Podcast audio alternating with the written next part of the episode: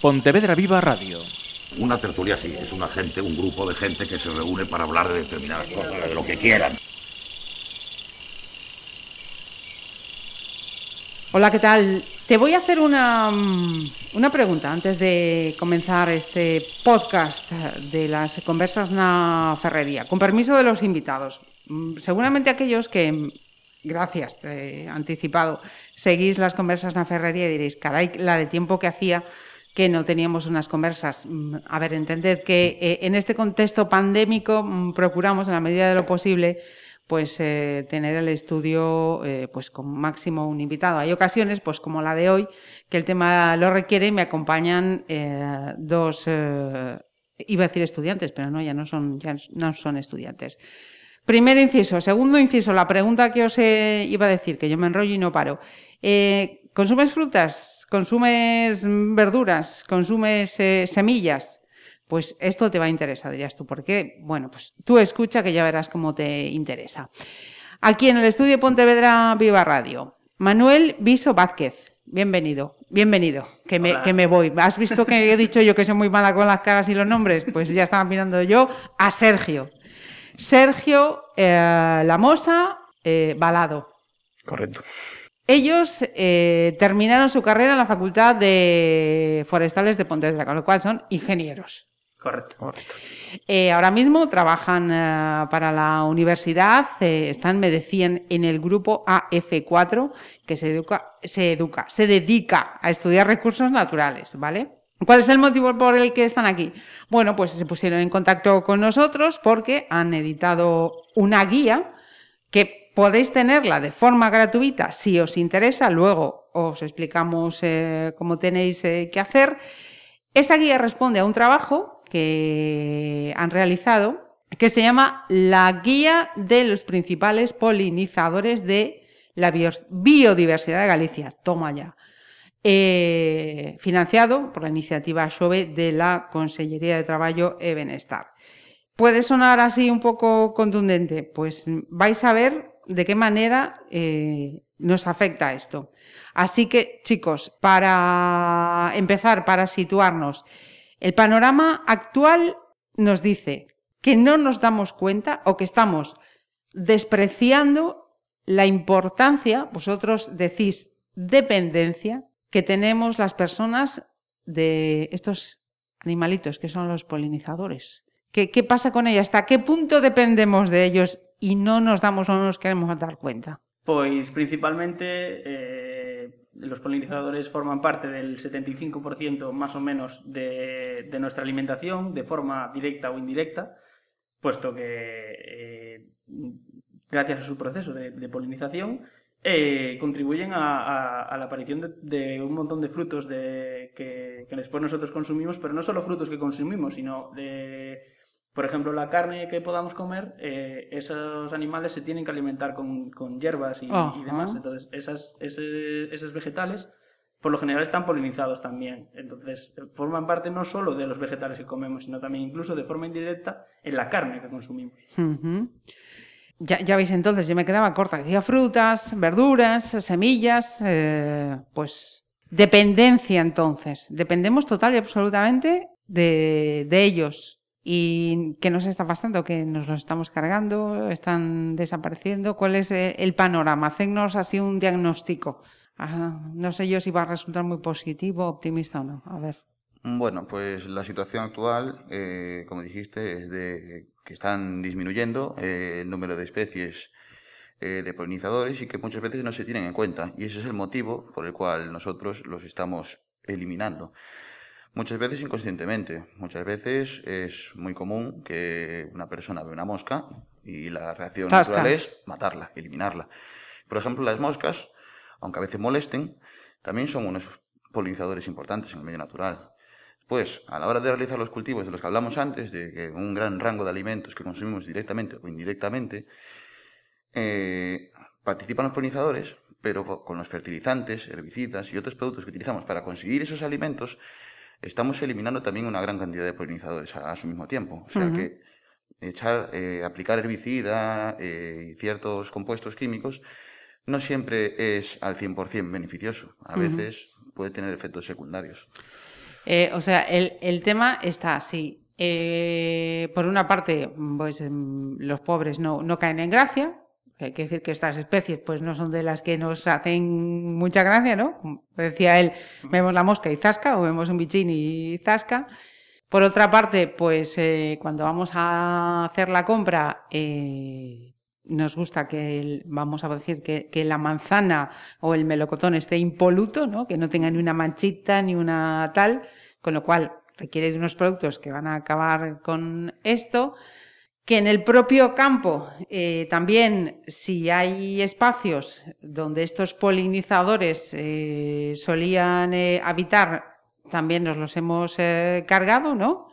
Con lo cual, eh, to- todo el sistema eh, nos está dando señales de que estamos haciendo muchas, muchas cosas mal.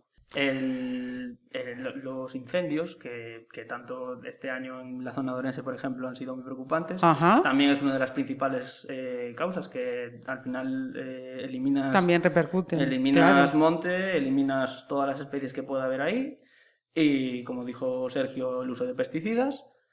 Y, y el cambio climático obviamente también, también cambia los ritmos de, de las floraciones de las distintas especies, cambia, cambia todo, cambia el orden de todo y, y eso nu- nunca va a ser positivo para las especies, eso está claro.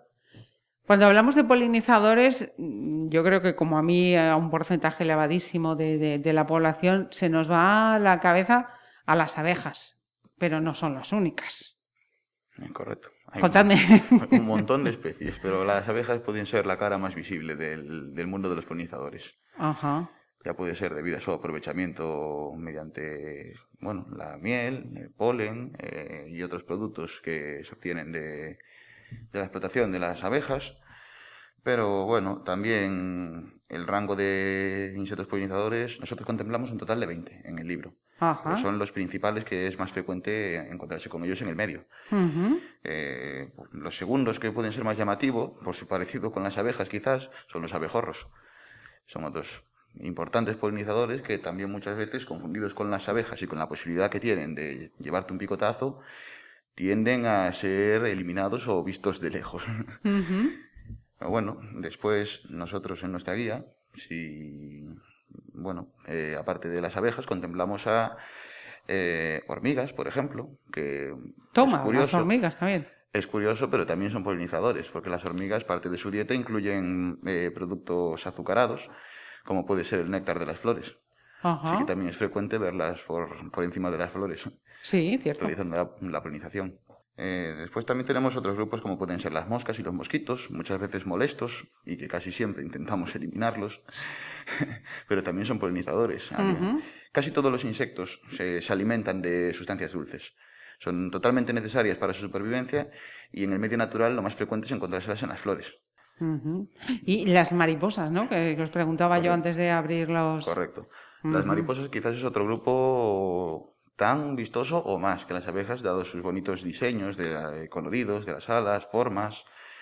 Eh, tenemos una en la guía muy curiosa, no recuerdo ahora el nombre científico exacto, pero se llama esfinge de colibrí, que realmente si la ves volar eh, no eres capaz de decir si es un colibrí o es una mariposa. El vuelo es exactamente lo mismo, tiene una lengua que es eh, similar al pico alargado y la lengua del colibrí y es exactamente igual. Es Ah. un animal muy curioso. Eh, chicos, eh, aquí en Galicia, ¿cómo, cómo estamos en el, en el tema de polinizadores? Eh, la situación es preocupante. Mira, ahora que está de moda esto de los semáforos, rojo, naranja, verde, ¿cómo, cómo estamos? Está camino de ser bastante rojo y un Vaya. poco bastante intenso. Vaya, es que no hay manera, ¿eh? De hecho, este año eh, nosotros eh, tenemos cierto, cierto contacto con, alguna, con algún grupo de, de- de apicultores y la queja general este año es que la producción ha sido nefasta. Nefasta. Este año ha sido, pero no solo en Galicia, sino esto hemos contemplado noticias que, que es a nivel de, de toda España, que ha sido un año de producción muy baja de, miel. Entonces, eh, además de que en todos los años afecta el tema climático, de, de si un año hace más calor o menos, Ujú. eh, además de eso también durante los últimos años estamos teniendo una presión muy fuerte de la especie de la Vespa velutina que ejerce una presión muy fuerte sobre las abejas. Eh, eh, aunque se trampea muchísimo, eh, esta especie cada vez está más, más expandida, abarca ya toda la comunidad gallega y, y ataca, además de atacar no solo las abejas, ataca todo tipo de, de especies de polinizadores de los que hemos estudiado, aunque sí que eh, a- como las abejas son más mediáticas, sí que sabemos que sobre ellas se ejerce una presión bastante fuerte. Ajá. Mi- Mira una cosa, entonces, además de lo que estaba comentando Sergio, digamos que todos estos eh, elementos eh, de- del mercado, del sistema productivo, eh, de, de- de las políticas eh, agrarias, de, toda esta forma de hacer mal, hacer, hay que añadir entonces esto que estás diciendo ahora, ¿no? Esas especies invasoras que también están, están atacando de manera considerable a, a estas especies polinizadoras. La velutina estaría en el number one. La velutina, desde luego, sin duda ninguna es la primera. Es el mayor depredador que ahora mismo está... eh, no, no se alimenta ella de las abejas, eh, caza las abejas para llevárselas a las larvas, ellos se alimentan de frutos, de, de frutos dulces y, y de este tipo de alimentos, Sí. pero las abejas las cazan únicamente para llevárselas a, a las crías, a las larvas. Les dan un aporte proteico, que las abejas tienen un, un aporte proteico bastante grande, y las utilizan para, para alimentar a, las- a las larvas. ¿Alguna noticia buena? Bueno, se está dedicando mucho, mucho recursos económicos y, y físicos a personas a la investigación para la lucha contra esta especie exótica invasora, Ajá. esta plaga, porque es una auténtica plaga. Sí. Y bueno, cada vez eh, estamos lejos de solucionar el problema y muchos científicos, investigadores aseguran que esta especie ha llegado para quedarse en nuestro territorio. Ujú. Eh, estamos desarrollando cada vez más medios o formas de trampeo, de eliminación de nidos, de captura de reinas, que es hasta ahora el método más efectivo Más. conocido, que al final evitas que esa reina genere una colonia de 60 hasta 60.000 individuos al año siguiente. Entonces es lo más efectivo. Y bueno, eh, la situación puede mejorar en los próximos años, eh, dependiendo de los resultados de las investigaciones que se están llevando. Y para concienciar sobre la cuestión que vosotros eh, tratáis en, en la guía, yo, yo sé que mm, eh, en este momento en el que estamos parece que todo converge hacia, hacia un mismo punto, que todo se va hacia lo mismo, pero el riesgo es que no nos olvidemos también de otras cuestiones que están ahí y que no hay que olvidar. ¿Hacia dónde tendremos que reconducir la situación, en, en vuestro entender, pues para tener en cuenta la importancia de, estos eh, polinizadores y que esas eh, circunstancias adversas que se siguen reproduciendo, pues eh, se reviertan o al menos no sigan creciendo? Desde luego, un, un intento de uso menor de los pesticidas, nunca, nunca excederse. Si pueden ser pesticidas naturales, los pesticidas llevan etiquetas en los cuales puedes ver cuál puede ser nocivo para distintas especies o no. Hay de pesticidas que no son nocivos para las abejas. Intentar siempre utilizar ese tipo de, de pesticidas o intentar utilizar simplemente menos cantidad. Utilizarlo de la forma correcta, porque el problema es que mucha gente mm, echa, cuando va a su viña, echa sulfato como si no hubiese un mañana y eso acaba siendo perjudicial. Eh, también tratar de cuidar del monte de la forma más adecuada, porque si no los incendios nos van, nos, nos van a comer a nosotros, que nos que van a acabar comiendo a, a- a todos los polinizadores. Y, y obviamente esto ya no solo va con los polinizadores, hay que intentar frenar el cambio climático de la, de la mejor forma posible. La clave está en la concienciación de la gente, porque al final los incendios, con la concienciación de la gente se puede disminuir la actividad incendiaria. El uso de pesticidas es lo mismo, es cuestión de fijarse un poco a la hora de adquirir productos o, o al aplicarlos, que bueno, en los últimos años se han desarrollado cursos de- para la adquisición y utilización de productos fitosanitarios, que bueno, es una medida que puede llegar a beneficiar realmente a los polinizadores, porque no cualquier persona puede adquirir ciertos productos que son perjudiciales para el medio. Ujú, Eso es. Pero la clave es la concienciación de la gente. La gente tiene que darse cuenta de- del valor, de la importancia que tienen estos seres vivos, no solo para nosotros, sino para el mundo en el que vivimos. Ujú. Y ahí va a estar la clave de que la situación pueda cambiar e ir a mejor. Que no estamos en el pico de la pirámide, que nos creemos que estamos ahí en el top ten y resulta que no, que dependemos de, de muchas otras cosas. Por cierto, he visto yo por ahí un, un dato, ya que estáis aquí os quiero mm, preguntar si me lo confirmáis o no es así. Leía mm, que a día de hoy eh, se han perdido, han desaparecido el 75% de las especies de insectos. Es cierto que muchos investigadores eh, hablan de que estamos ahora mismo en una época de una de las grandes extinciones masivas de la Tierra.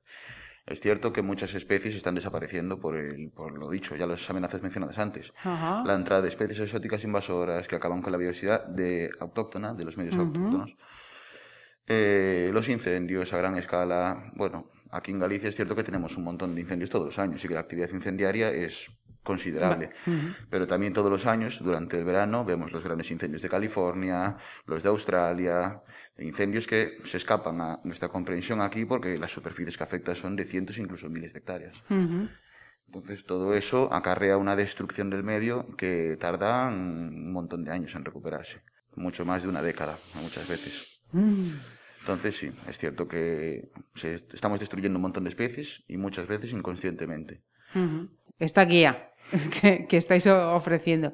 De interés para cualquiera, me refiero, pues no es, por ejemplo, oiga, usted viticultor, oiga, eh, usted que se dedica a esto, no, es comprensible, accesible mm, para, tu cualquier- hijo de vecino. Cualquier persona que el domingo por la tarde se quiera salir a dar un paseo al monte, porque básicamente no son otras especies que nosotros hemos, hemos salido, Ujú. llevamos nuestra cámara a la espalda y el insecto que nos encontramos, Polinizador.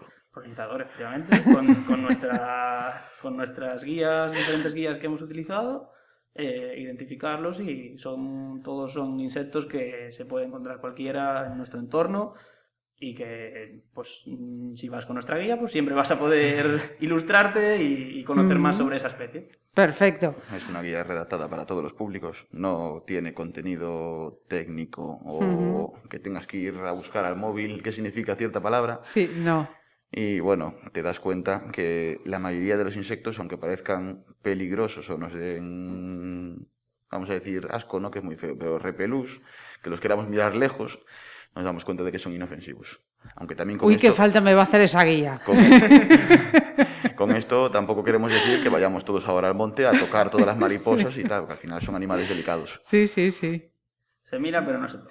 Pues como decía el otro, te lo compro, ¿eh? porque vamos, todo lo que pase de la, de la hormiga ya, yuyu, cuidadín. Porque, ¿ha- ¿Habéis pensado en, eh, porque estaba viendo también que hay, incluso hay una aplicación que viene de manos, es una aplicación gratuita del CSIC que se llama Polinizap, o sea, Poliniza app de aplicación, precisamente para que a través del móvil pues hagas como estas especies polinizadoras, ¿no? Una abejita o una tal. Oye, tenéis que pensarlo, ¿eh? tenéis que dar una vuelta también. Después de la guía, pasaos a- al tema A apps. Eh, pues eso, eh, ahora que apetece tanto salir al aire libre, al espacio, a respirar, pues mira, con la guía debajo del brazo, estupendamente bien. ¿Y qué hay que hacer para tenerla? Eh, pues mandarnos un correo electrónico o seguirnos. Esto ya lo de seguirnos, pues quien quiera seguirnos, si no, pues. Hombre, aprovecha, ya que estamos aquí, aprovecha. De divulgación, pues siempre, siempre va a haber. Y, y nada, tenemos puesta la última publicación, la portada del libro, y, y- y que se nos puede mandar un Mm. mensaje directo a arroba poligal.apis. Y, y quien quiera pedirnos el libro, ahí mismo estamos disponibles. Eh, también estará, también lo vamos a enviar, nos llega mañana mismo. También los vamos a enviar. Espera, a- mañana mismo date cuenta que estamos hablando con días previos. Oh. Decir que ya está. Para cuando esto lo escuchen, ya está. Ya está. Efectivamente. Eh, eh, y se enviará a todas las facultades de, de las universidades gallegas, estará disponible en las bibliotecas, o sea que quien lo quiera, quien quiera hacer, quien quiera acceder a él va a poder, además de que también estará colgado en versión digital, o sea que Mm. va a ser totalmente accesible para cualquiera. Perfecto. Eh, Instagram, poligal.apis, Correcto.